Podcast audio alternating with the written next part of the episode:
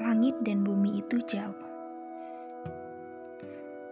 Di dunia ini ada yang menginginkan menjadi kaya harta, tapi ada juga yang menginginkan kaya hati.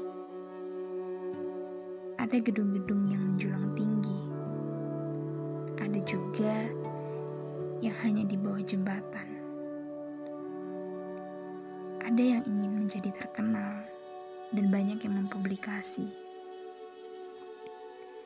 tapi ada juga yang hanya ingin di balik layar. Ada yang ingin memiliki pakaian berbagai macam brand. Ada juga yang hanya menginginkan sepasang pakaian layak pakai.